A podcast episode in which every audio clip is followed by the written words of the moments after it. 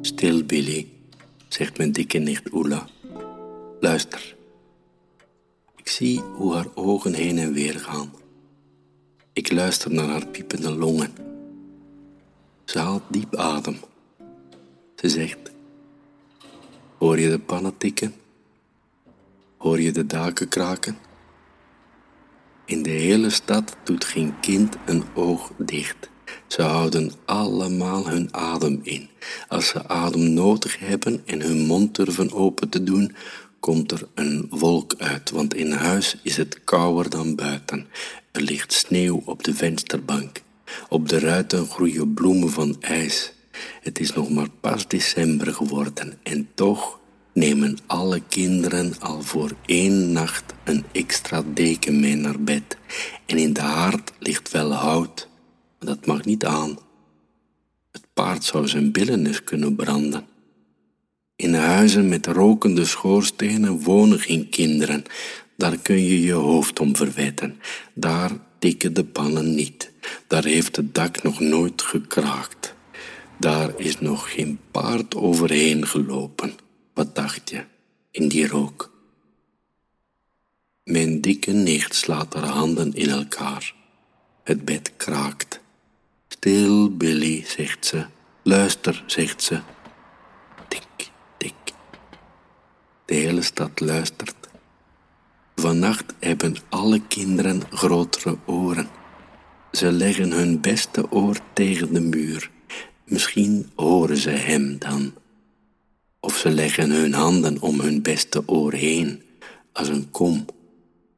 Een enkel kind stopt zijn oren dicht, maar dat kind heeft vast met zijn vingers in de koekjesdoos gezeten. Dat kind is bang, geen wonder.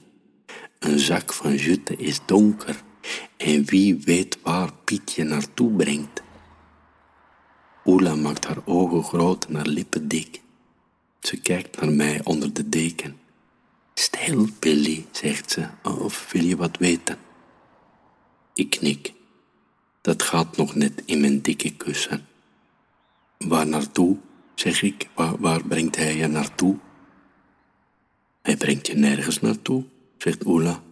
Zei ik dat dan? Nou, dan zei ik het fout. Hij neemt je mee en brengt je later terug. Dat doet hij.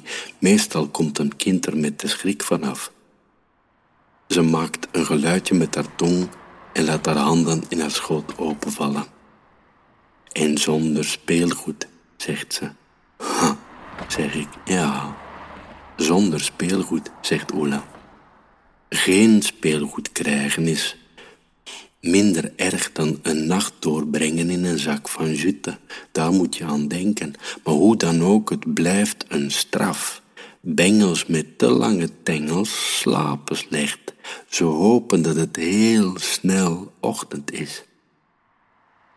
Mijn dikke nicht kijkt naar het klokje naast het bed. Ze zucht erbij en beweegt haar hoofd heen en weer, heen en weer, alsof ze muziek hoort. Tik, tik. Zo ging het vroeger, zegt ze, toen horloges nog tikten. Toen konden de kinderen zich nog vergissen en het tikken van de klok in de keuken verwarren met ergens een geluidje op het dak, of met het kauwen van het paard voor de haard. Daar, voor de haard, stond hun schoen met een raap en een lieve brief erin. Er lag ook suiker bij.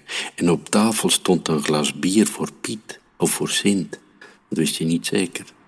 Van al dat sjouwen, schoorsteen in en uit, krijg je dorst. Dat is een feit. Oela likt haar lippen en knikt. Langzaam stroopt ze haar mouwen op. Zo ging het vroeger, zegt ze. Ze kruist haar armen en kijkt me een hele tijd aan, voor ze zich over me heen buigt en me een zoen geeft. Met haar warme adem blijft ze nog even boven me hangen. Laat je ogen eens zien, fluistert ze. Ik kijk naar Oela en Oela kijkt terug. Hm, ik was er al bang voor, zegt ze. Die ogen van je zijn bang om dicht te vallen. Je hoeft me je oren al niet meer te laten zien. Ik zie ze zo, twee zielige lapjes vlees op het kussen naast je hoofd. Och, arm. Ze zucht. Haar hoofd gaat opnieuw heen en weer. Ze geeft me een paar tikjes op mijn borst. Ik weet wat je denkt, zegt ze. Ik kijk naar Oela op. Wat denk ik dan? Mijn nicht zwijgt. Ze zit zelf ook na te denken. Ze kijkt om naar de deur die op een kier staat. Ze kijkt omhoog naar het plafond.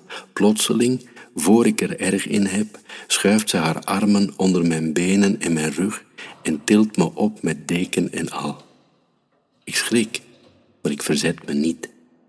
Ik ruik de zoete lucht die altijd om Oela heen hangt. Met zware stappen loopt ze naar de deur en duwt die met haar voet open. Op de gang van de flat is bijna geen licht. Het duurt even voor ik in het donker kan kijken. De stoel, die zie ik bijna meteen. Voor de deur naar buiten staat de luie stoel van papa en die hoort daar niet. Ik kijk naar Oela, maar Oela kijkt niet terug.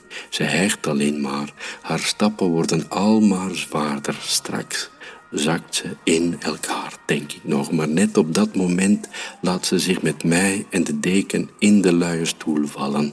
De stoel kreunt en mijn dikke nicht ook. Ah, zegt ze. Ik durf bijna niet te ademen. En ik krijg ook bijna geen lucht zo op schoot bij Oela. De gang is half donker en het lijkt alsof er wind door de flat waait, koude wind. Ik sla de deken een beetje opzij en probeer om me heen te kijken. Uit mijn keel komt een geluidje van schrik. Ik wijs met mijn kin naar de voordeur. Die staat open, wijd open. Oela? Oela zwijgt en hijgt. Wat doen we hier? Ik grijns, maar niet omdat ik me blij voel. Wachten we op mama en papa? Gaan we, gaan we ze verrassen als ze straks thuiskomen van het theater? Oela grinnikt. Stil, Billy, fluistert ze, terwijl ze de deken weer over me heen legt. Maak je geen zorgen. Je moeder en je vader hebben niet goed nagedacht. Je moest je schoen van ze op het balkon zetten. Maar jullie balkon zit zes flats hoog. Sinterklaas kan niet zo hoog springen. jullie dak is nog eens twaalf flats hoger. Daar durft geen paard op. Het, het zou trouwens moeite voor niks zijn, want schoorstenen hebben jullie ook al niet. Ze sist tussen haar tanden door. Je moeder en je vader hebben echt niet goed nagedacht. Dus kijk, ik heb je schoen op de mat gezet. Hier, voor de deur. Alles zit erin en alles staat erbij. Probeer je ogen dicht te doen. Maak je oren maar wat kleiner. Heb je het koud? Ja, zeg ik. Dan is het goed, zegt ze.